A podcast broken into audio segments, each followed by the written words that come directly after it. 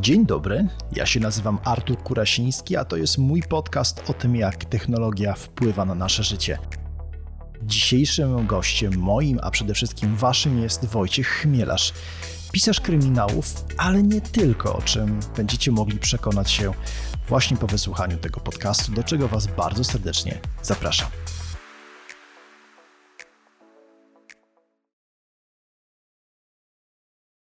Dzień dobry, witam serdecznie. Jest ze mną dzisiaj Wojciech Chmielarz, pisarz. E, bo wiesz co, Wojtku, witaj serdecznie. Cześć i dzień dobry Państwu, którzy nas słuchają. Tak, e, ja znalazłem kilka Twoich e, takich biografii i powiem szczerze, że właśnie to jest pytanie do Ciebie, dlatego że w niektórych z nich jest jeszcze napisane, że jesteś dziennikarzem. E, a tak naprawdę od dłuższego czasu nie piszesz chyba już nic dla prasy takiej zwykłej. Chociaż felietonów masz całą masę, bo tam widuje cię co pewien czas jakichś różnych pismach. Ale czy pytanie jest pierwsze, czy ty się czujesz jeszcze dziennikarzem? Jesteś jeszcze osobą, która tak się definiuje, czy po prostu jesteś pisarzem? Nie, nie, nie, nie, nie definiuję się jako dziennikarz. E, nie jestem dziennikarzem. Zresztą dziennikarzem byłem dosyć krótko w swoim życiu. I chyba byłem dosyć słabym dziennikarzem, mówiąc szczerze, mam takie wrażenie. Natomiast e, to jakoś zostało, wrzuciłem to do jakiegoś biogramu w pewnym momencie, bo to dobrze brzmi, wiesz, dziennikarz. I potem to już tak zostało, wszyscy to powtarzają na spotkaniach. Faktycznie żadnego tekstu newsowego nie pisałem od lat sześciu co najmniej, nawet ponad sześciu, wiesz. Bo to była przygoda z Pulsem Biznesu, jeżeli dobrze pamiętam. To, była, znaczy to były różne przygody. To była przygoda z Pulsem Biznesu. Tam jeden tekst w polityce opublikowałem, publikowałem teksty w presie, takie branżowe. E, pewnie mógłbym jeszcze znaleźć parę tytułów, gdzie moje teksty się pojawiały. Nowa Fantastyka, współpraca przez, przez wiele, wiele lat redakcyjna. Nawet, e, nawet sobie poczytuję za pewien zaszczyt i przyjemność, że przez pewien czas byłem wymieniany w stopce redakcyjnej Nowej Fantastyki jako stały współpracownik. Uuu, no to więc, e, szacun. Tak, tak, tak, więc to było wiesz, w ogóle jakieś spełnienie marzenia. Natomiast no, od dłuższego czasu, jeśli się jakoś mediowo udzielam, to jako felietonista co najwyżej. Mhm. Okej, okay, dobra. Wiesz co, pytam się dlatego, że w, w, dzisiejszych czasach strasznie dużo osób e, zwraca uwagę, zresztą słusznie, na to, jak, jak są definiowani, jak ich postrzegamy i jak o nich mówimy. I dostałem niedawno po uszach właśnie od kogoś, kogo określiłem mianem dziennikarza, i ta osoba się potwornie oburzyła, dlatego że ona w ogóle uważa, że to jest despekt, że to jest coś, co deprecjonuje ją jako, jako człowieka. W zasadzie ten określenie go i zdefiniowanie przez ten y, zawód, bo on tylko i wyłącznie uważa siebie za klikacza jakiś prosty, za takiego content y, providera, y, powiedziałbym brzydko. I rozmawiałem długo z tą osobą, no i zobaczyłem, że faktycznie ten świat na tyle się już porozszczepiał, to znaczy te, te nasze określenia nie Aha. przystają do tego, co się dzieje obecnie, że dla niektórych obecnie właśnie określenie, powiedzenie per jesteś dziennikarzem jest stwierdzeniem nieprawdy, ale nie dlatego, że to jest e, powiedzenie, a wiesz, robisz rzeczy, których nie robisz, tylko że po prostu to określa cię w sposób, e, no powiedziałbym, właśnie pejoratywny. I, Kurczę, i, to ja bym, to, to mega dziwne, bo ja bym wolał być dziennikarzem niż medi, e, content providerem. No właśnie. Content provider to mi się kojarzy z kimś, kto robi, wiesz, może niesłusznie, bo oczywiście tam walczymy, wiesz, o social media i tak dalej, analizujemy, wiesz, co się klika, co się nie klika i tak dalej, ale generalnie kopiuj w klej, nie?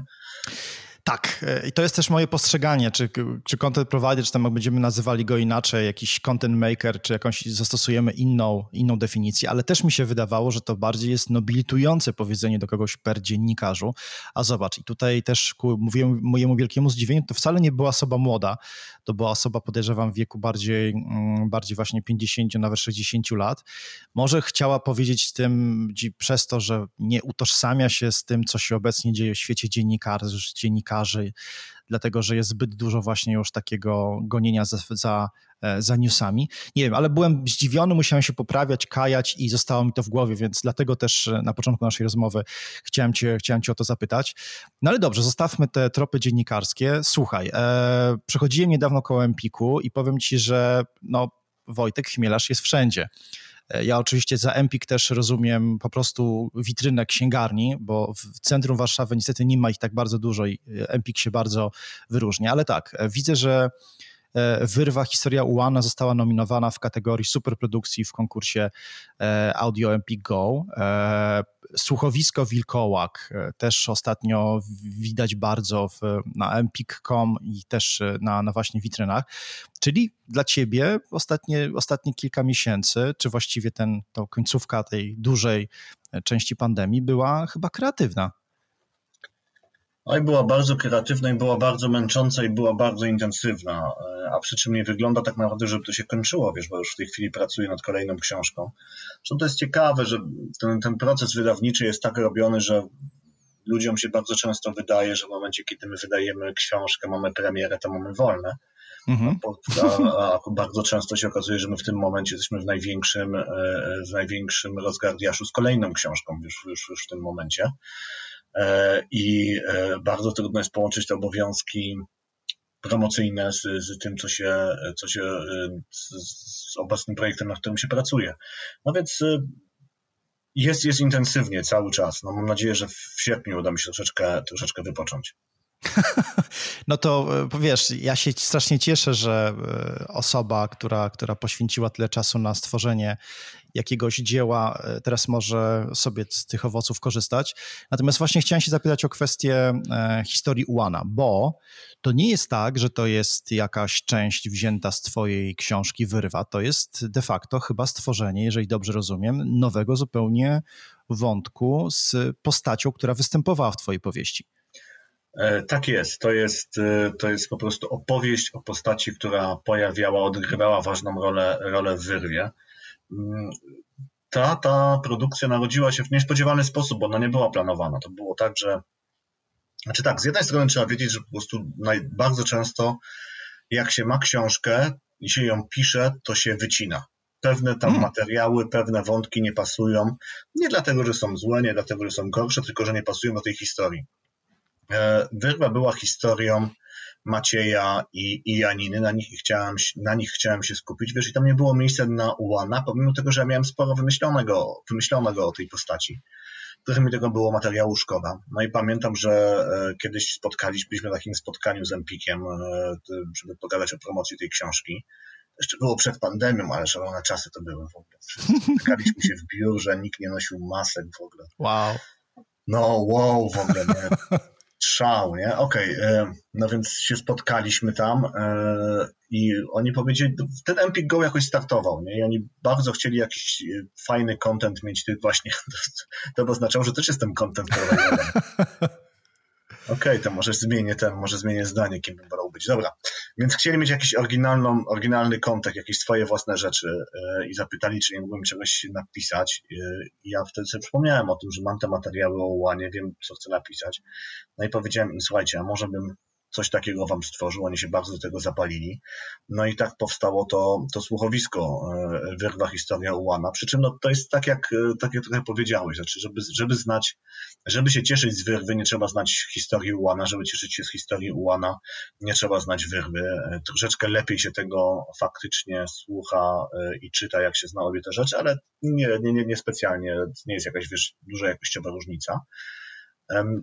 No i to też było taki mój, wiesz, pierwszy skok, żeby zobaczyć, jak się pisze i jak wyglądają słuchowiska, bo to też jest bardzo ciekawa forma, która teraz zdobywa sporą popularność i można dużo fajnych rzeczy, rzeczy zrobić. Co, co pokazał chociażby właśnie Wilkołak w Empik Go, tak, który został przerobiony na słuchowisko, e, po, pocięty na odcinki, no i mieliśmy tam znakomitą obsadę, a potem jeszcze Krzysztof Zarewski, który gra główną rolę Dawida Wolskiego, napisał do tego piosenkę, więc w ogóle, wiesz, się pokazuje, że można to wszystko pokazuje, że dużo się ciekawych rzeczy dzieje na rynku yy, i to się fajnie rozwija i mam wrażenie, że te słuchowiska to będzie będą coraz ważniejsze. Może nie będą tak ważne jak książki papierowe, bo to chyba nie jest ta wielkość rynku. Nie dlatego, że słuchowiska są jakoś gorsze, chodzi mi tylko o, o wielkość rynku.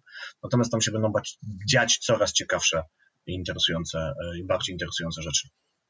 Znaczy, y, bardzo mnie ciekawi właśnie twoje, twoje zdanie na ten temat jako twórcy, jako pisarza, bo powiem ci, że ja teraz y, no mam tą wyjątkową sytuację, że mogę sobie pozwolić na kupienie książki plus na przykład właśnie słuchowiska i, i doceniam to, jak bardzo jest dużo jeszcze pracy poświęconej nad stworzeniem, pewną interpretacją twojej, e, twojej twórczości i wrzuceniem tego na właśnie kanwę jakiegoś słuchowiska audio.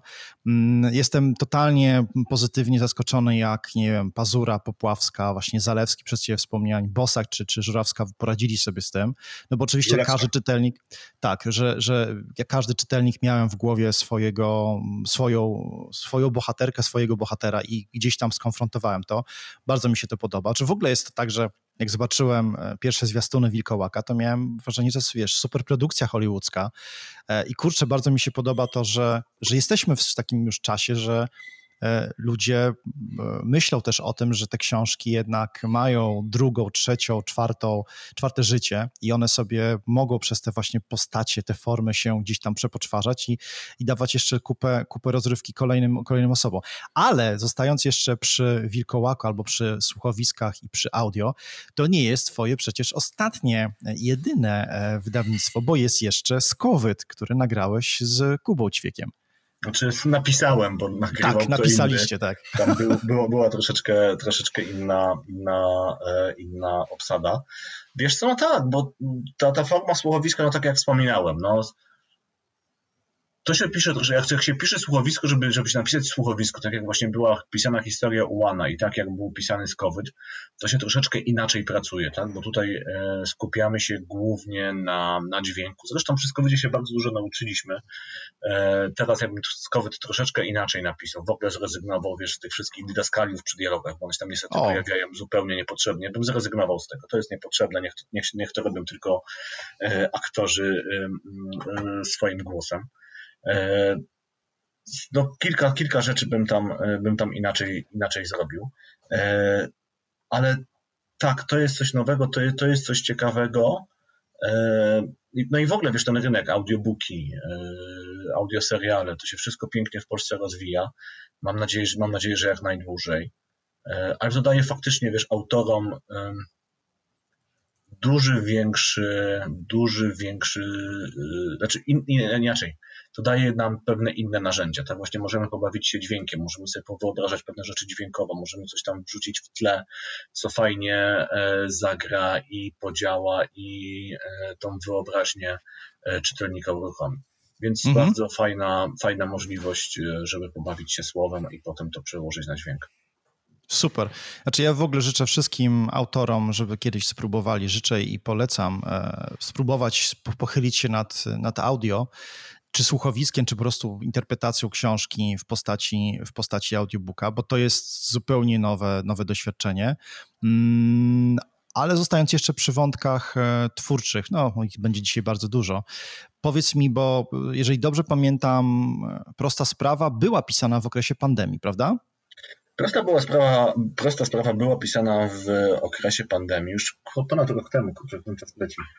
No to było tak, że mm, pamiętam w marcu, kiedy nas zamknęli po raz pierwszy, wtedy była taka paskudna, szara pogoda i też wszyscy byli, przynajmniej takie to wspominam, mocno przerażeni, wiesz, na, na takiej zasadzie, że e, nikt nie wiedział, czego się spodziewać. Wszyscy byliśmy karmieni obrazkami, wiesz, z Toskanii, z Bergamo, tak, i tak. byliśmy przerażeni, że to się u nas powtórzy, a potem jak się u nas powtórzyło, to nikt na to nie zwrócił uwagi.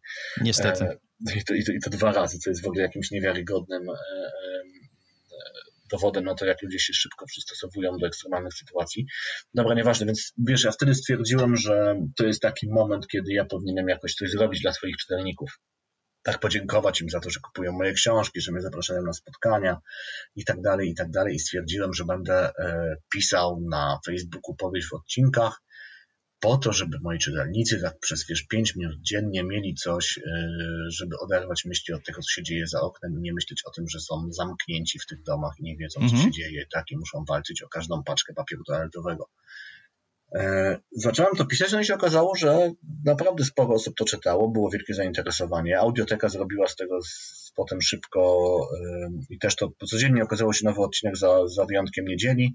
E, oni zrobili z tego w tej samej formie właśnie słuchowisko. E, wyszło to bardzo, bardzo fajnie. No i był to jakiś taki spory, spory no sukces, tak po prostu. Znaczy, wydaje mi się, że udało się zrobić coś fajnego. No a potem się odezwało wydawnictwo i spytała Wojtek, a nie chciałbyś tego jednak wydać w formie książkowej. stwierdziłem, że jak już napisałem, to czemu nie? Więc wziął, wzięliśmy, zredagowaliśmy, troszeczkę to rozszerzyliśmy i wydaliśmy w formie książkowej. No mhm. więc to była, to była bardzo fajna przygoda. W ogóle wiesz, było fajnie patrzeć, wiesz, jak ludzie faktycznie reagują na, na, na tą książkę, jak czekają na kolejne odcinki. E, po teraz, jak zdarzają się spotkania autorskie z publicznością, to faktycznie ludzie, ludzie kiwają głowami, jak o tym opowiadają, jak o tym opowiadam, potem mówią mi, że faktycznie pamiętają, jak to było i że faktycznie, to zawsze wrzucałem koło 18, więc oni przed 18 już siedzieli tak przy komputerze i klikali to odśwież, odśwież, odśwież, czy już jest kolejny odcinek. Pytam się, bo e, e, ja oczywiście nie roszczę sobie e, praw do bycia super specjalistą twojego, twojej twórczości, natomiast po tym, jak czytałem kilka twoich książek, to biorąc do ręki prostą sprawę, nie miałem żadnych oczekiwań, nie wiedziałem, co to jest. Wiedziałem, że to jest inna książka, hmm. wiedziałem, jaki jest, jej, jaki jest jej geneza powstania, ale powiem ci, że miałem mega ubaw, świetnie się bawiłem i byłem totalnie zaskoczony ja tym, co dostałem. I właśnie to było niesamowite. Nie wiem, czy to mówiłem, czy to gdzieś napisałem u siebie na Facebooku, że widziałem, że autor dobrze się bawi podczas tworzenia tego, tego dzieła i że to jest e, może dlatego, że to jest zupełnie coś, czego się nikt nie spodziewał, że to nie była kolejna, kolejny Wolski, czy coś, co wiadomo, wiesz, chmielarz znowu tutaj, jakiś trop gliwicki i tak dalej, tylko, że po prostu, kurde, poszedłeś zupełnie w zupełnie nową stronę o, jasne, e, to jest taki, ja to sobie wewnętrznie nazywam taki Lee twój trochę, ale to jest naprawdę dobre. Nie myślałeś o tym, żeby zrobić z tego coś, coś więcej? E, nie no, oczywiście e, myślałem, żeby z, z, tego zrobić coś więcej i, e, i, ktoś tam nawet też się do mnie zgłosił, ale o tym cicho sza. Dobrze. Bo, z, znaczy, bo to jest tak, no, z, nigdy nie wiadomo z, z, takimi różnymi projektami, rozmowami na różne tematy, co z tego wyjdzie, a co nie, co się uda zrobić, a co nie. No, generalnie nigdy, nigdy nie, nie, nie, nie ukrywałem, że ja sprzedałem prawa filmowe do wszystkich moich książek, e, mhm. a się udało zrealizować tylko żmijowicko. Zobaczymy, jak będzie z prostą sprawą. Natomiast masz rację, wiesz, fakt, ja się bardzo dobrze bawiłem przy pisaniu tej książki e, i zresztą to się okazało, że mm, no cóż, że, e, że ja czegoś takiego potrzebowałem, że po tych tak naprawdę dosyć ciężkich dla mnie napisania książkach, wiem, żmijowisko, rana przede wszystkim, wyrwa, no, potrzebowałem jakiejś takiej książki, która będzie no, no, prosta, gdzie bohaterowie nie będą mieli tej psychologii postaci, gdzie będzie, wiesz, chodziło po prostu o dzianie się, o to, żeby e, ktoś tam biegał, ktoś tam strzelał, bił się, żeby były jakieś wybuchy. Tej książce akurat chyba wybuchów nie ma, może będą w następnej.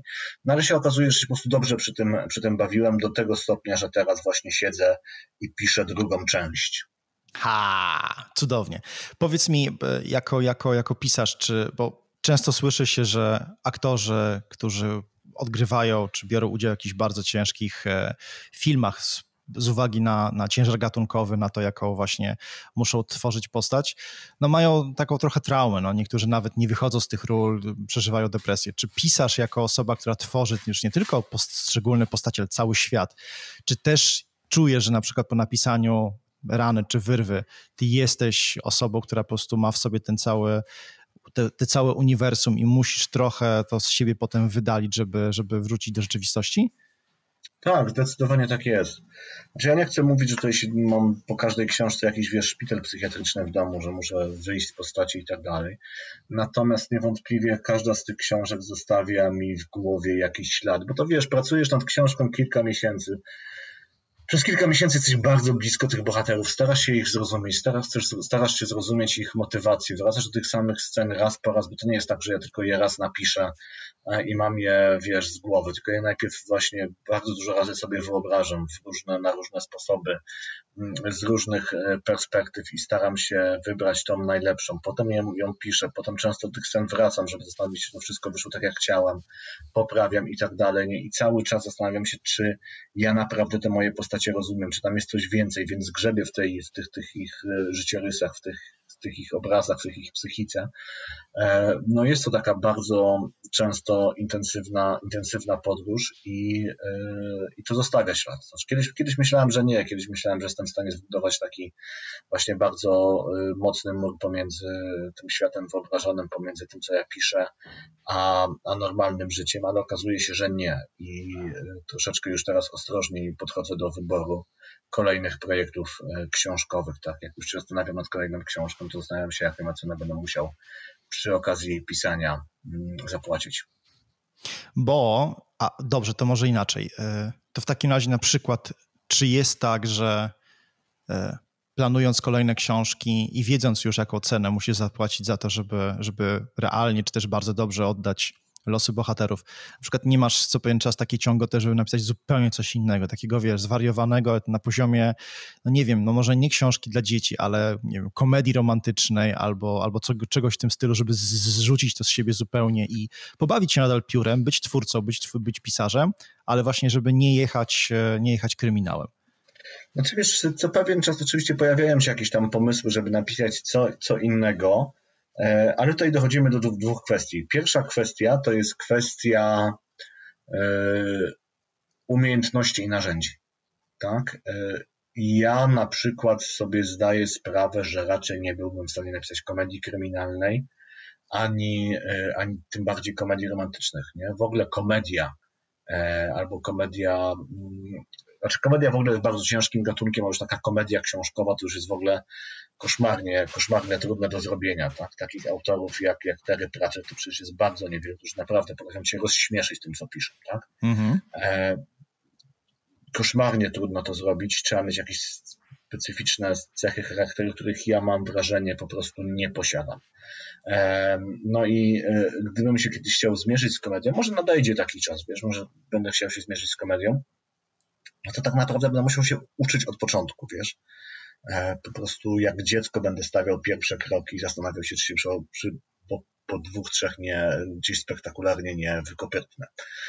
Więc to jest, to jest pierwsza rzecz. Na, e, druga rzecz jest taka, że też nie ukrywam, nie mam pomysłu na komedię, tak? a uważam, że autor, e, znaczy lubię jak piszę o tych, inaczej, piszę o tych historiach, które nie dają mi spokoju, wiesz? Hmm. To wpada mi jakiś pomysł do głowy, nie potrafię go wyrzucić i sobie zdaję sprawę, że nic innego nie napiszę, dopóki się tym nie zajmę. E, a trzecia rzecz, to są, nie ukrywajmy, sprawy finansowe, sprawy rynkowe. Ja jestem bardzo silnie kojarzony jako autor kryminałów i e, biorąc pod uwagę, wiesz, też częstotliwość mojej pracy, tak, to, że ja wydaję jedną, dwie książki rocznie, no to jest pytanie, czy ja mogę sobie pozwolić na napisanie książki w innym gatunku. Czy to zostanie, czy czytelnicy tą książkę, bo wiesz, czytelnicy czytają na nowy kryminał od chmielarza, a mm. niekoniecznie czekają na nową komedię kryminalną albo nawet komedię romantyczną od chmielarza. Tak? Jak oni na to zareagują? Czy w ogóle będą chcieli to kupić? E, jeśli nie będą chcieli, to ja, wiesz, stracę pół roku, dziewięć miesięcy życia, czy, czy rok życia na napisanie książki, której nikt nie będzie chciał czytać, bo po prostu nie jestem, e, nie jestem kojarzony z tym gatunkiem. E, I w ogóle, żeby, wiesz, zaistnieć jako autor komedii, być może musiałbym poświęcić tak naprawdę pięć lat, żeby, wiesz, się wybić w tym gatunku. Może, może trochę mniej, może dwa, trzy, tak, ale to są też rzeczy, o których muszę pamiętać, tak, że zdawać sobie sprawę, że mam pewne obowiązki finansowe też wobec, wobec siebie, wobec swojej rodziny, czy wobec dostarczyciela internetu. I, I, po prostu wiesz, trzeba położyć jedzenie na stół nie i opłacić rachunki, tak? Mhm. E, I kiedy ktoś jest zawodowym pisarzem, a ja jestem zawodowym pisarzem, muszę, e, e, muszę to też brać pod uwagę. Jasne. To nie zmienia faktu, że e, wiesz co, może nie komedia romantyczna, ale mocno mnie ciągnie w stronę horroru. Tak? Uważam, że to jest bardzo perspektywiczny gatunek, tam się dzieją mhm. ciekawe rzeczy. Mm. No, Skowyt, to... proszę pana, to taki. No właśnie, znaczy Skowyt był dla mnie taką, mm. taką pierwszą próbą, tak? No, na zasadzie że robimy słuchowisko, robimy to we dwóch z Kubą Ćwiekiem, więc to nie jest ten, ten, ten główny mój projekt e, w roku, że dzielę się trochę pracą i mogę, wiesz, w takich w miarę bezpiecznych warunkach sprawdzić się w ogóle, czy ten gatunek mi pasuje, czy ja go czuję, czy się dobrze przy nim, czy mi się to dobrze pisze, czy mam coś ciekawego do powiedzenia. No i wydaje mi się, że wyszło całkiem fajnie i w związku z tym ja się muszę zastanowić, to się, cały czas się zastanawiam, czy, czy jakiegoś horroru takiego większego już samodzielnie e, nie napisać. Bardzo bym Cię do tego zachęcał, bo ja jestem ogromnym fanem horrorów, przede wszystkim jako, jako filmów, ale ogromny czuję deficyt, jeśli chodzi o polskie horrory i uważam, że jesteśmy zupełnie błędnie zafiksowani na tym, że tylko i wyłącznie dobre amerykańskie slashery są tym, co rynek polski chce, chce widzieć, ale to, to może jest e, zupełnie rozmowa na, na inny moment. A propos twojego, twojego takiego krygowania się, jeśli chodzi o kwestie zmiany e, konwencji, no panie pisarzu, pan napisał Królową Głodu, która nie była kryminałem, to było postapo, science fiction. I to jest taki moment, kiedy sobie, wiesz, zdajesz, to był taki moment mocno otrzeźwienia, e, bo ja napisałem Królową Głodu pomiędzy Podpalaczem a Farmą Lalek.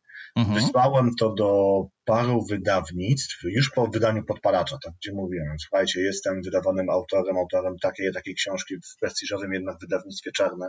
Proszę tak tutaj moja książka. E, I nikt nie był zainteresowany. Nikt nie był zainteresowany. Potem tą książkę e, wydaliśmy mm, w ramach akcji Book Rage, teraz Art Rage. Mhm. E, ona okazała się jako e-book, no zebrała dobre opinie czytelników, dostała bardzo dobrą recenzję w nowej fantastyce, ale na papierze od tamtego czasu nie została wydana. Ja trochę też powiem Ci szczerze, bym znaczy zdaję sobie sprawę, że, znaczy, bo, bo chciałbym wrócić do tego świata, tak? więc zdaję sprawę, że wydanie tej książki jeszcze raz wiąże się z taką odpowiedzialnością, że trzeba by siąść i zacząć pisać kolejny tom tej historii, bo to, ta historia oczywiście miała być rozpisana na, na, kilka, innych, y, na kilka innych tomów. E, może kiedyś uda się to zrobić, może kiedyś do tego wrócę, ale właśnie dążę do tego, widzisz, próbowałem z zupełnie innym gatunkiem i to się zakończyło, zakończyło porażką. Właśnie, wiesz co, to jest y, bardzo dobrze, że chyba o tym powiedziałeś. Mi się wydaje, że Oczywiście, no ja nie jestem rynkiem, to jest moja czysto subiektywna opinia, ale, ale kurde, jednak chyba czasami sami też y, czytelnicy oczekują od, od, od twórcy. No ja wiem, rozumiem. No, Wojtek Chmielarz to przede wszystkim jest uznana marka na rynku kryminałów. Enough said, kropka i tyle. Natomiast myślę, że znając Twój warsztat i wiedząc, że nie odwalasz e, fuchy, tylko po prostu tworzysz bardzo fajne książki, chciałbym jako czytelnik, znaczy to jest taki stempelek jakości. Więc e, powiem Ci, dlaczego się pytam Królowo Głodu, bo ja po tą książkę sięgnąłem, e, dlatego że właśnie byłem zdziwiony, że tako, tak, takowy wyżej wspomniany pisarz, który do tej pory kojarzy mi się li tylko z kryminałem, zrobił post-apo z zombie, z, powiedziałbym, że to jest bardzo E, Cormac McCarthy, wiesz, moja ulubiona książka z jego, z jego e, dorobku poza drogą to jest Krwawy Południk. I powiem ci, że czytałem to i machałem głową, mówię, kurde, to naprawdę jest dobre, a że jeszcze popełniłem z Michałem Śledzińskim e, komiks o postapo, no to w ogóle gdyby patrzyłem na ciebie jak na, wiesz, człowieka, który, który idzie koło mnie i machamy z siebie głową, wiesz, hej, hej, więc to się naprawdę dobrze czytało i cholera, ja bym powiedział tyle, ode mnie masz, wiesz, carte blanche, żebyś usiadł i przynajmniej pomyślał o tym, żeby może nie zrobić z tego książki, może zrobić słuchowisko, może napisać, wiesz, scenariusz ale do wiesz, gry ale, albo ale do... akurat w przypadku Królowej Głodu, wiesz, i e, mm, ko, kolejnego, wiesz, kolejnego tomu, to, to już nie ma, nie ma znaczenia, wiesz, czy, czy ja napiszę słuchowisko, czy ja napiszę książkę, że raczej bym szedł w, w, w książkę, szczególnie, że od dawna mam pomysł, jak ten drugi tom ma wyglądać, to mam, wiesz, wszystko rozpisane, e, gdzieś tam nawet w swoich papierach pewnie znajdę mapki tego świata, bo oczywiście jak każdy, jak każdy autor fantazji, fantazji zaczyna no, się od pisania, rysowania mapek. A też jest ciekawe, wiesz, bo jak się kurczę e, e, w pewnym momencie, jak zaczynasz rysować mapki i robisz to tak mm, z głową, to w pewnym mhm. momencie z samych tych mapek zaczyna ci wynikać historia. Zaczynasz to analizować, co jest gdzie, jakie tam są wpływy, jakie tam są relacje handlowe i tak dalej, kto w sposób naturalny w, w, z kim wchodzi e, w, w konflikt, to tam już powstaje historia, więc gdzieś te mapki mam. No słuchaj, no, na pewno w pewnym momencie będę chciał do tego wrócić, y, bo uważam, że autor, szczególnie autor literatury gatunkowej, jakim ja jestem, powinien od czasu do czasu próbować nowych rzeczy. Tak? Czy to w ramach gatunku, tak jak ja, wiesz, byłem kojarzony najpierw jako autor kryminałów policyjnych z Mordką, tak? więc zacząłem pisać tego Wolskiego, czyli taki czarny kryminał. Potem doszło do tego thrillery psychologicznej, wreszcie prosta sprawa. E, ale no właśnie, Skowyt z Kubą, z Kubą e, Ćwiekiem, Słuchowisko, tak? E, powiem Ci, że też niedawno, ale nie mogę mówić dla kogo i o co chodziło, ja napisałem takie, ale opowiadanie, Hard SF, nie? Takie naprawdę hard, wiesz, w kosmosie ze stacjami kosmicznymi, z laserami jakimiś, jakimiś takimi cudami. To niestety jakoś ten projekt y, bo to miała być antologia, gdzieś ten projekt umarł w pewnym momencie, albo jest w zawieszeniu już, nie wiem, nie chcę, właśnie nie mogę tutaj mówić, nie mogę zdradzać, bo, bo może, mam nadzieję, że kiedyś to się ukaże, bo to opowiadanie Hartesa, ale wiesz, też tylko napisałem, wiesz, pamiętam tą rozmowę, jak zadzwonił do mnie człowiek i się zapytał, czy bym chciał to e, napisać i ja od razu powiedziałem tak, nawet nie pytając o pieniądze, bo ważniejsze było dla mnie to, że mogę spróbować czegoś nowego i się zmierzyć z innym, z innym mhm. Cholera, no widzisz, czyli drzemie w tobie tak, taka Kiedyś do tego chęć. świata królowej głodu trzeba, trzeba wrócić. To ja w takim razie trzymam cię, trzymam cię za słowo.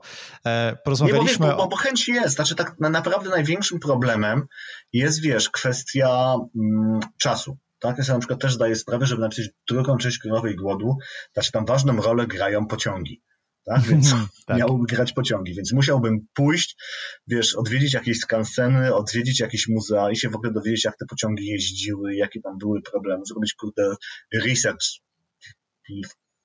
pociągowy. Tylko się nigdy po sobie nie spodziewałem, wiesz, no, e, i, i, i, takie, takie cuda, takimi cudami się na przykład, e, na przykład zająć, ale, no, ale pomysły są, no, tylko żeby był czas jeszcze. To fakt. E, też uważam, że im człowiek jest starszy i posiada już jakiś dorobek, e, to to, co zaczyna go bardzo ostro limitować, to jest właśnie ilość czasu, którą może poświęcić na realizowanie albo swojego hobby, albo, albo właśnie pracowanie.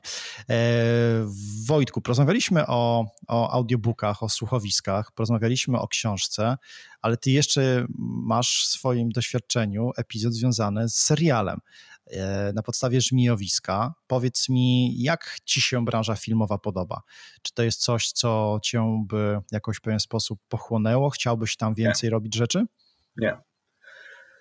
Nie, nie, nie, nie, nie. E, e, to znaczy, to jest tak, jeśli ktoś się do mnie zwróci z propozycją, czy bym chciał napisać scenariusz na podstawie swojej książki, to bardzo poważnie bym to rozważył. Natomiast właśnie ta praca na, nad scenariuszem Żmijowiska nauczyła mnie dwóch rzeczy. Znaczy od razu powiem, że bardzo mi się tam dobrze mm, pracowało z, z Daną Łukasińską jako współautorką scenariusza, z Leszkiem Bodzakiem, producentem, z Anetą Kikembotą. Przepraszam, się tutaj pomyliłem nazwisko, e, bo ono jest skomplikowane, która była producentką, Łukaszem Parkowskim, e, reżyserem. Natomiast tak, są dwie rzeczy. E, po pierwsze, to jest strasznie, e, powiedziałbym, dziki świat. E, tam, e, wiesz, ja pracuję, wiesz, powiedzmy ten rok, nie, kilka miesięcy nad książką i ona w końcu wychodzi.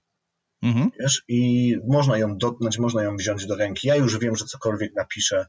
Oczywiście to teraz zabrzmi tak, jakbym chciał pisać byle co, ale nie, po prostu wiesz, mam tą świadomość, że co napiszę, to zostanie opublikowane, tak, oczywiście wydawnictwo nie będzie trzymać za gardło, żeby to było jak najlepsze i tak dalej, ale ten projekt, który podejmę, on zostanie zrealizowany do końca. Tak? W świecie filmowym jest tak, że możesz pracować przez rok, dwa nad jakimś projektem i nagle on ląduje w koszu. I nie wiesz dlaczego. Ulala. Tak? I, yy, I niekoniecznie nawet przez te dwa lata z pracy dostaniesz jakiekolwiek pieniądze. No też są takie historie, wiesz, gdzie, gdzie ludzie e, bardzo, bardzo dużo e, włożyli z serducha w jakiś tam projekt i on został nagle, lądował w koszu, tak? Albo został im odebrany i, i y, dano go komuś, komuś innemu, tak? I, I zrobił z tym projektem coś zupełnie, zupełnie innego niż było planowane. Mnóstwo jest takich rzeczy. Druga sprawa, więc troszeczkę nie za bardzo mi się, wiesz, chce kopać z koniem, co wynika z tego, że wiesz, świat filmowy to jest ta druga sprawa, nigdy nie był moim marzeniem. Gdybym ja chciał pisać filmy i seriale, to bym pisał scenariusze, piszę książki, bo zawsze chciałem pisać książki, a przy czym właśnie nauczyłem się pracując nad scenariuszem, że ten język filmowy, język serialu, gdzie też trzeba troszeczkę inaczej myśleć, bardziej obrazem, mieć inne rzeczy w pamięci, to też nie jest mój język. Ja go nie do końca czuję i, e, i też nie mam takiej potrzeby, żeby go zrozumieć, więc zostawiam, e, zostawiam, e, zostawiam świat filmowy, serialowy innym niech się kto inny w tym, w tym, e, w tym męczy, ja wolę, ja wolę, wolę książki. A, jest jeszcze trzecia, e, trzecia mm, sprawa, o tym dzisiaj napisał Szczepan Twardoch, a czyli 22 czerwca, jakby ktoś potem z Państwa szukał na Facebooku, a potwierdzili to Jakub Żulczyk i Monika Powalisz. Jakub Żulczyk oprócz tego, że jest pisarzem, to jest też scenarzystą, Monika Powalisz jest scenarzystką. No, Szczepan Twardoch SMS-em od kogoś znajomego dowiedział się, że serial Król, któremu jak sam napisał poświęcił 3 lata, e, dostał tego orła, e, czy jakąś tam nagrodę, tak, Polskiej Akademii Filmowej e, i nikt go nawet na galę nie, nie zaprosił, nikt go o tym nie poinformował, tylko jakiś znajomy, który przypadkiem to oglądał. Więc wiesz, to pokazuje bardzo ważną rzecz i która jest wielką słabością w ogóle polskiego środowiska filmowego, tak na tyle, na ile ja go kojarzę, na ile ja go znam.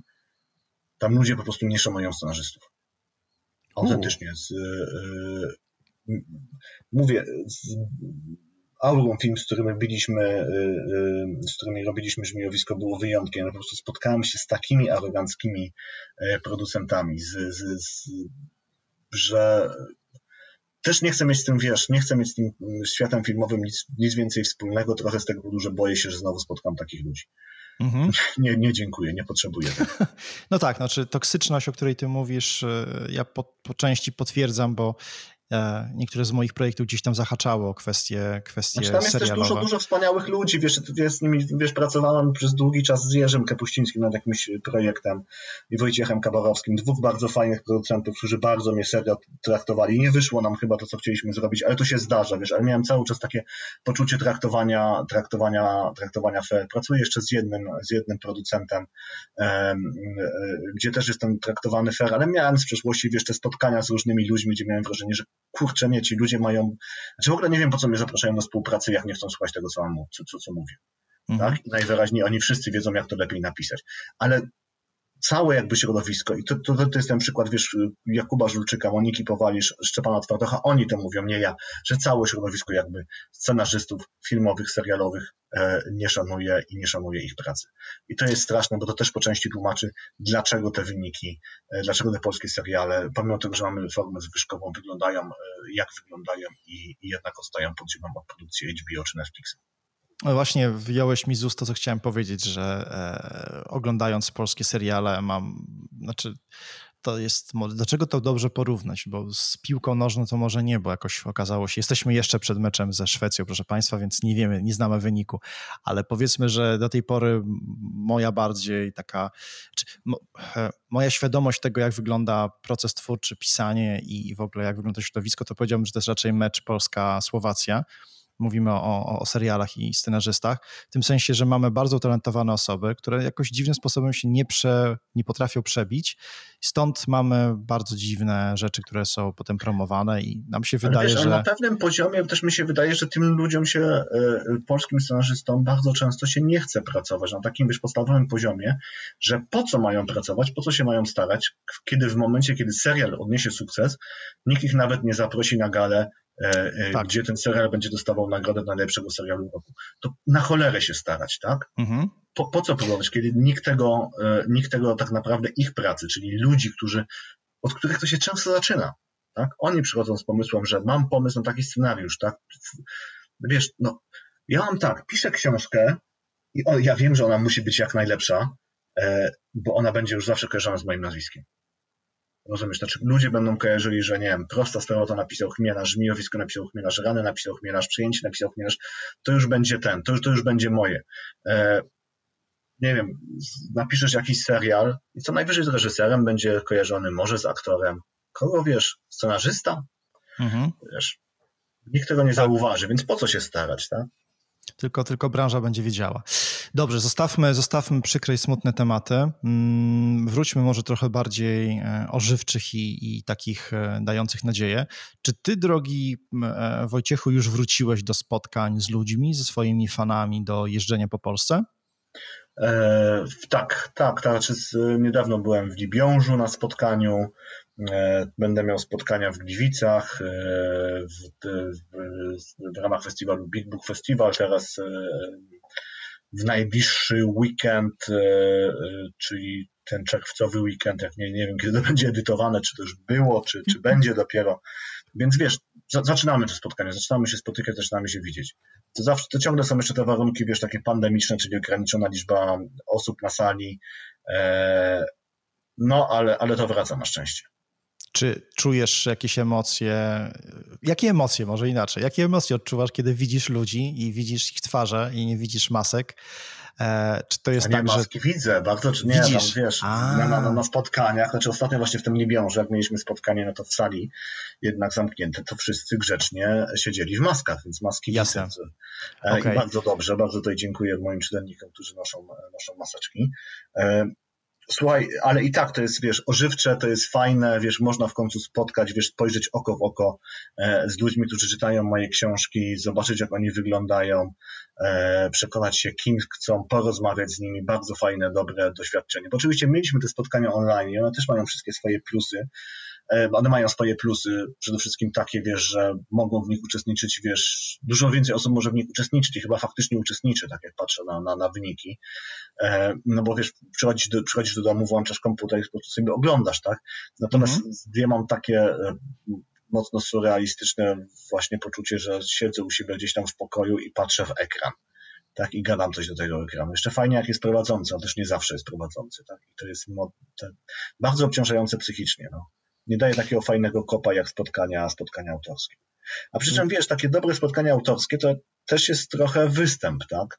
E, więc ja tam reaguję, e, bo różni ludzie przychodzą, reaguję na to, jak reaguję, wiesz, mam jakieś tam przygotowane teksty, opowieści i widzę po prostu, jak te moje teksty, na te moje opowieści reaguje publiczność, kiedy jestem w spotkaniu, wiesz, oko w oko, mhm. tak? I wtedy, wiesz, mogę, jak widzę, że jakaś historia mm, siadła. fajnie idzie, siadła, to mogę ją rozwijać, mogę podać coś podobnego, a jak widzę, że nie siedzi, no to skracam, tak? A tutaj, albo przechodzę do innego tematu, a tutaj widzę, że no widzę co, widzę ekran swojego komputera, nie?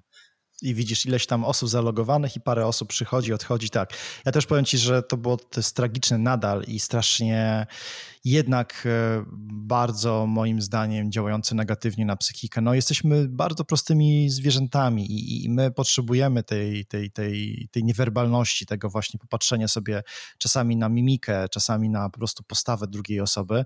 Ja mam ogromne problemy. Jeżeli mogę, to proszę wszystkich obecnie o to, żebyśmy już nie robili tych wideokoli, tylko robili sobie po prostu zwykłą, normalną rozmowę telefoniczną, wtedy odcinam sobie i myślę, że mój mózg też nie musi analizować tego, tego czego nie widzi ale te kole wideo myślę, że po prostu wszystkich już bardzo zmęczyło i, i, myślę, że będziemy bardzo siebie spragnieni, czego Ci bardzo życzę, żeby jednak warunki e, epidemiczne na jesieni pozwoliły Tobie i innym koleżankom i kolegom Twoim po jeżdżeniu i po spotykaniu no, się ja z sobie ludźmi. Wszystkim nam to życzę, tam tego życzę, natomiast patrząc na to, co się dzieje na świecie i co się dzieje w Polsce, jeśli chodzi o zaszczepialność, to niestety mam bardzo duże, duże obawy, więc jeśli ktoś jeszcze tego nie zrobił, apeluję panu państwo, idźcie się zaszczepić. Ja się szczepiłem straszną AstraZeneką i nie było źle. I nie dość, że Wojciech jest z nami dzisiaj, to raczej wszystko wskazuje na to, że jego ani e, potencjał twórczy, ani inne przymioty nie uległy, nie uległy jakiemuś, e, jakiejś degradacji. Więc ja też mogę go się dołączyć do Twojego apelu. E, słuchajcie, szczepcie się, bo po pierwsze to nie jest tak, że Wy to robicie dla siebie, tylko robicie przede wszystkim dla innych.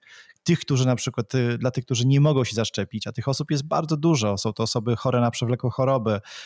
Do tej pory oczywiście już nie, ale do, do chyba bodajże marca też nie mogły się szczepić oficjalnie kobiety w ciąży i matki karmiące. Więc szczepmy się, bo ta fala jesienna wróci. Będziemy mieli powtórkę z 2020 roku, bez dwóch zdań.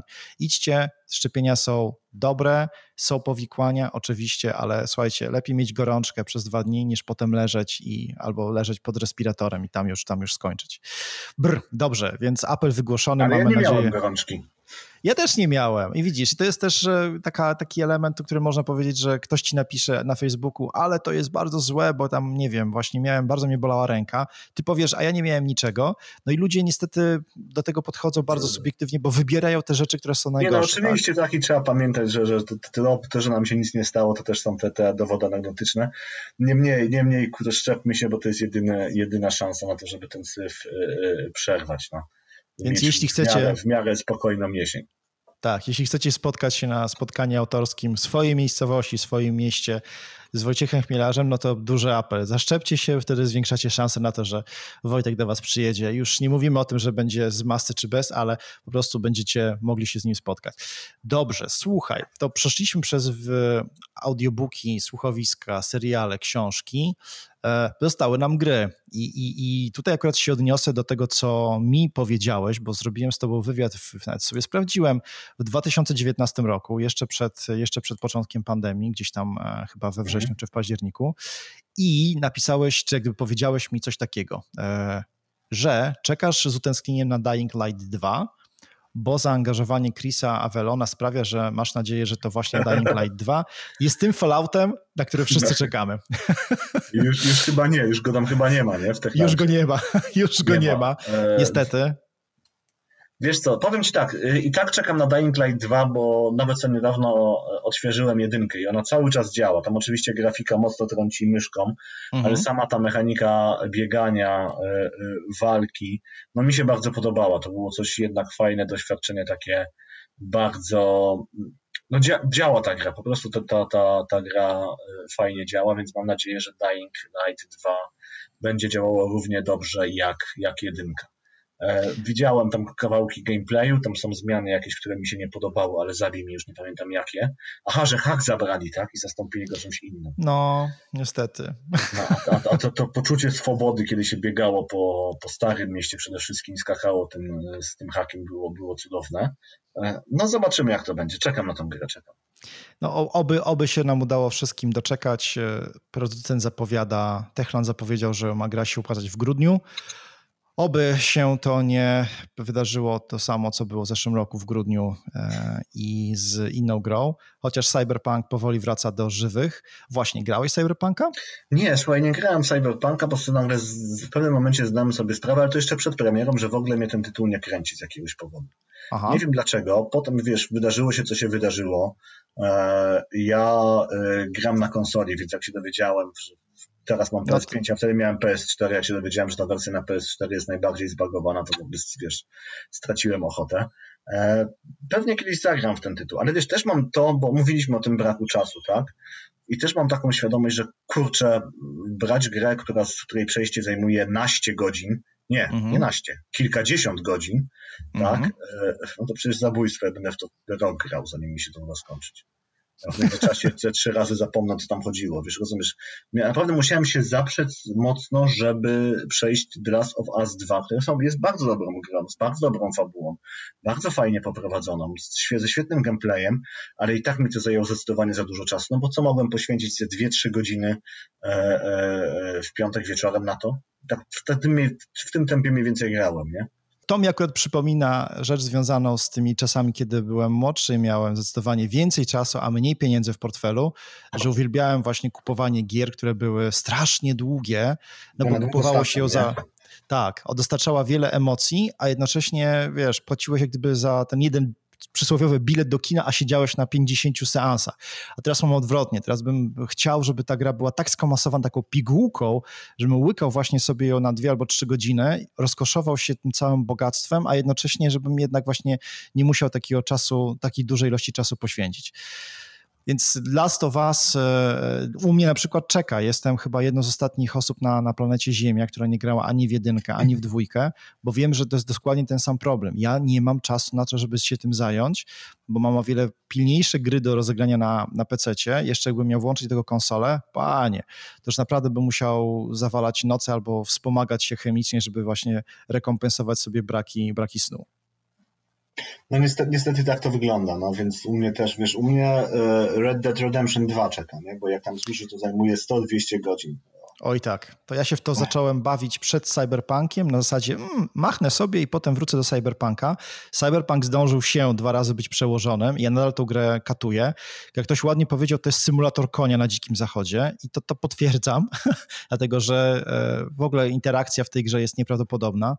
Niemniej jednak, e, sandboxy są złem, ale, ale kocham je i myślę, że każdy sandbox e, rozsądny bym chętnie przytulił niestety no, też zaczynamy wchodzić w taką erę, w której gry wideo stają się uniwersami, których, których wiesz, możesz wejść, jeszcze jak do tego podepniemy jakieś kolejne zmysły typu, typu VR i tak dalej, no to naprawdę będzie można tam siedzieć tygodniami, bo te do eksploracji światy są tak przeogromne. Pewnie każdy z nas ma jakąś swoją ulubioną epokę y, historyczną, w której chciałby sobie tam pohasać, czy to z mieczem, czy to jakimś muszkietem. Więc myślę, że czeka nas to w bliskiej przyszłości właśnie, że będziemy jednak poświęcali więcej czasu na rozrywkę wideo, na seriale, niż na czytanie książek. Nie dlatego, że zostanie to wyparte, bo nikt nie będzie czytał książek, tylko po prostu prościej, szybciej jest sobie odpalić, e, to przyznaję bez bicia, wieczorkiem na dobicie się przed snem, półgodzinny serial na Netflixie, niż złapanie się za poważną lekturę, tak? twojej książki, czy nie wiem, czy wzięcie na warsztat Szczepana Twardocha i po prostu zmęczenie szarych komórek, żeby, żeby po prostu już e, tutaj coś jeszcze z tego wyciągnąć. No zobaczymy jak będzie, wiesz, ja mam takie fazy, nie, e, kiedy wolę sobie wieczorem coś pooglądać albo w coś pograć, I takie, wiesz, takie momenty, kiedy w ogóle mnie od telewizora odrzuca i nie, tylko książka, więc e, no zobaczymy. Zobaczymy, jak, na ile się twoja prognoza y, sprawdzi. Natomiast faktycznie jest to, coś takiego, wiesz, co dociera powoli do ludzi, do ludzi związanych z książkami, że e, no właśnie, my konkurujemy z Netflixem, z telewizją, z HBO, z grami komputerowymi, a nie z innymi książkami. Tak? I to prowadzi do tego, że musimy troszeczkę inaczej myśleć o tym, czym są książki, jak je sprzedawać, jak docierać do czytelnika. E, no i się dzieją ciekawe rzeczy, wiesz, to jak e, fajnie się rozwija, to wiesz, to też w sieciach społecznościowych. Ludzie, którzy opowiadają o książkach, jak tam się pojawi fajna, jak fajna społeczność, ludzie faktycznie trochę na zasadzie takiego snobizmu, że chcą należeć do tego kręgu, zaczynają książki czytać, a przynajmniej wrzucać ich zdjęcie do internetu, mhm. więc ja muszę je kupować. E, to, to jest bardzo fajny trend. No, ja jestem mega zbudowany, że pomimo tego, że faktycznie napływ e, ruchomych obrazków, tej, tej kultury grania, która jest super fajna, ale ona nie powinna być, e, nie powinna być tak zaborcza, czy gdyby nie powinna stawać się taką zaborczą, powoduje, że jednak dużo z osób, które bym nie podejrzewał o to, wraca i staje się czytelnikami książek. Ja już to wielokrotnie mówiłem, na przykład ja mam taki problem, że w ciągu roku zwykłego nie jestem w stanie poświęcić tak dużej ilości czasu na to, żeby się zagłębić w książki, które kocham i chcę, chcę eksplorować i czytać, więc zostawiam sobie to na wakacje i tworzy mi się taka kubka, którą potem tak. zabieram. Obecnie mam, e, mam około 50 książek, które ze sobą zabieram na wakacje, ponieważ wykształciłem u siebie dosyć szybkie tempo czytania. Oczywiście są to różne książki, są to powieści, jest to jakaś beletrystyka, jest to jakieś kompletnie dziwne przewodniki po jakichś światach wirtualnych, ale po prostu chcę się dobić takimi informacjami, które cały czas odkładałem. No i przez wakacje będę właśnie nad, nad, nadganiał to. Natomiast w ciągu roku nie mogę się skupić, nie mam takiej możliwości, żeby, nie wiem, nie potrafię sobie może tego odpowiednio poukładać.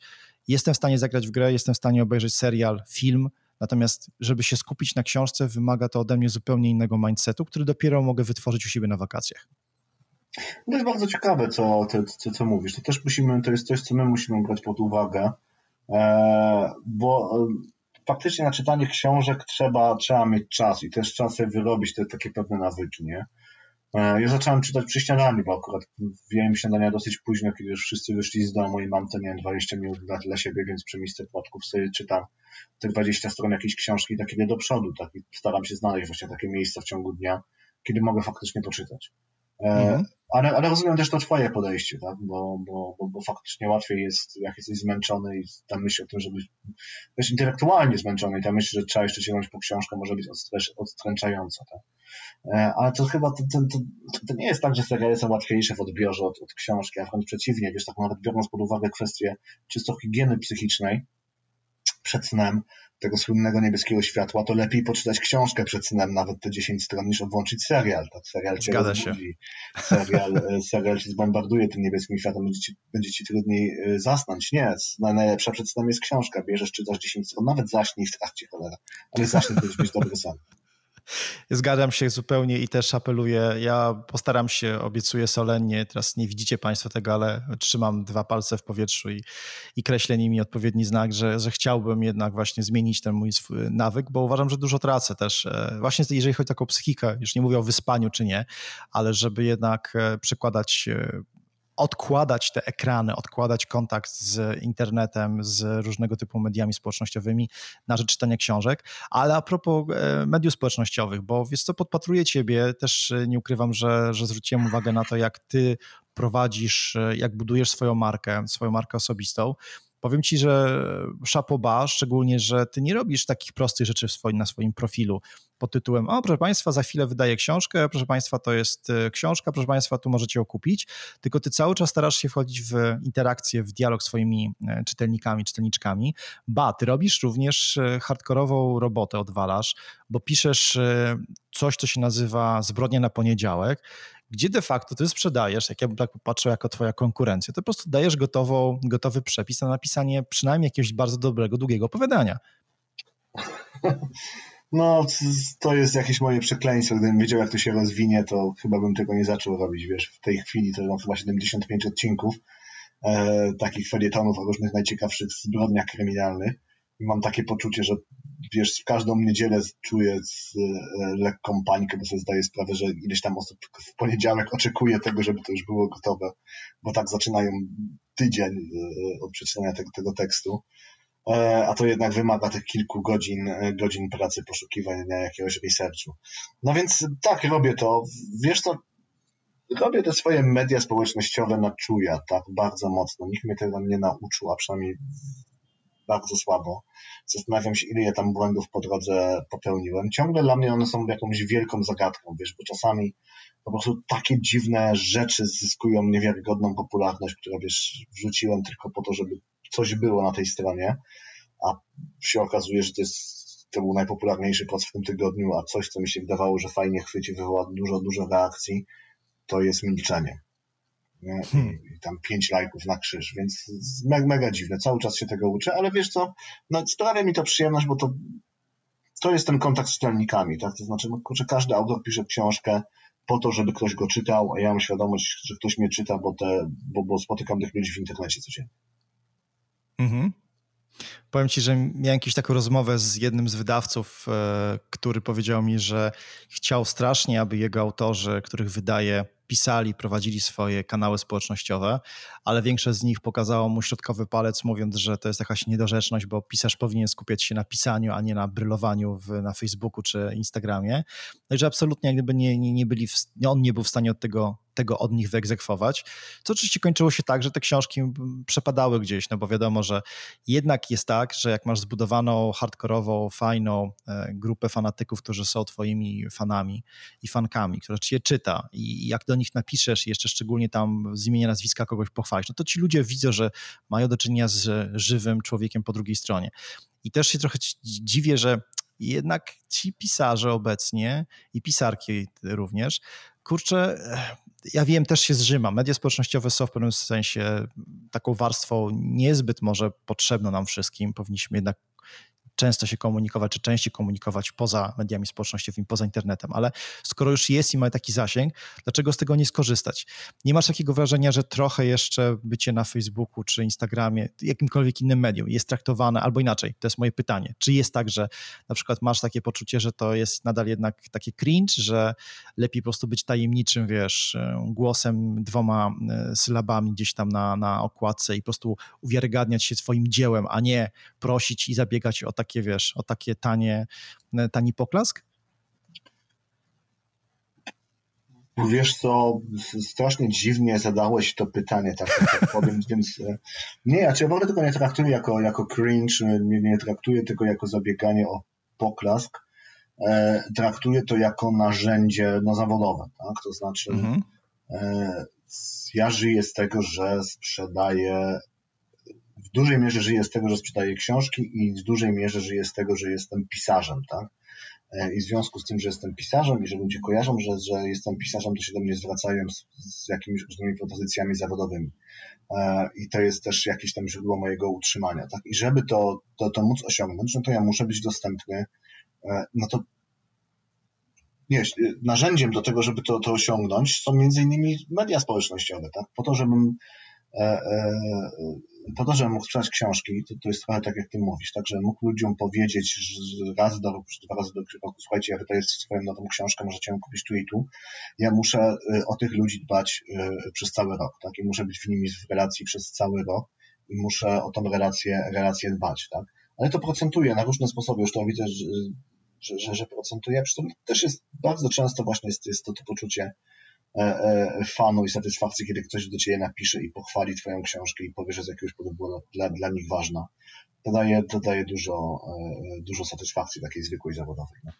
Natomiast Super. wiesz, co jest ciekawy, ci autorzy, których wspominasz, na ile to jest rzecz pokoleniowa, a na ile ten, a na ile to jest no faktycznie takie podejście, bo zwróć uwagę, no, Oczywiście my, pisarze gatunkowi, w większości tymi social mediami się posługujemy, tak? To jest już dla nas naturalne narzędzie pracy, tak?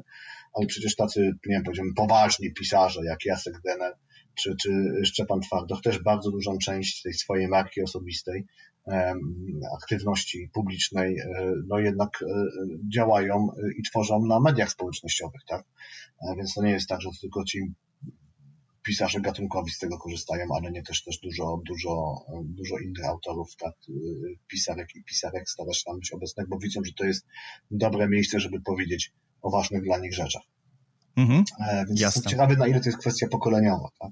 Też miałem kiedyś takie wiesz, podejście, że, e, że, że, że nie, że, że, że, ten, że, że moje książki, może, znaczy inaczej.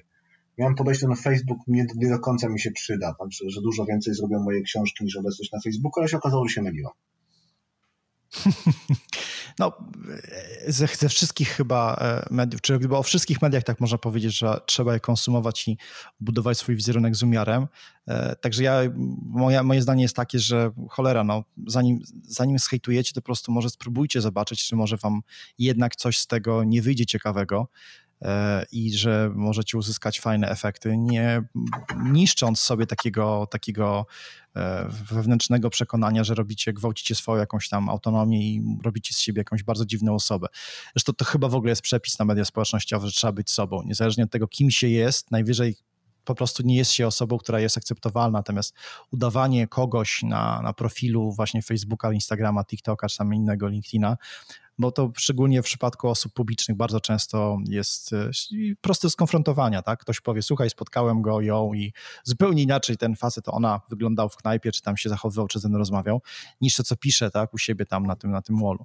Więc rozsądek, a przede wszystkim po prostu autentyczność jest chyba kluczem, jak we wszystkich innych E, innych dziedzinach. E, słuchaj, ja już nie mam do ciebie pytań. Ja mam właściwie taką jedno, tylko może, może na koniec bardziej jak gdyby no takie pytanie, ale, ale zostawiłem sobie na koniec. Co sobie, e, o czym sobie marzysz teraz? Co byś chciał zrobić w najbliższym czasie i co takiego by cię bardzo miło tutaj striggerowało i spowodowało przypływ dopaminy? Wiesz co, szczerze w tej chwili e, odpocząć, naprawdę. Czekam na ten sierpień, bo wtedy będę, mam zaplanowany urlop prawie cały miesiąc, gdzie podobnie jak ty nie będę, nie będę pracował, będę głównie e, odpoczywał, cieszył się czasem z rodziną i, e, i czytał książki. Więc I tak na luzie. I, to, wiesz, I też czytał książki po prostu dla przyjemności, nie do pracy, nie dlatego, że mi się coś gdzieś przydadzą pisarskie, ale takie książki, które po prostu chcę przesłać dla, dla samego fanu. Więc mhm. akurat złapałeś mnie w takiej chwili, że takie, takie mam marzenia.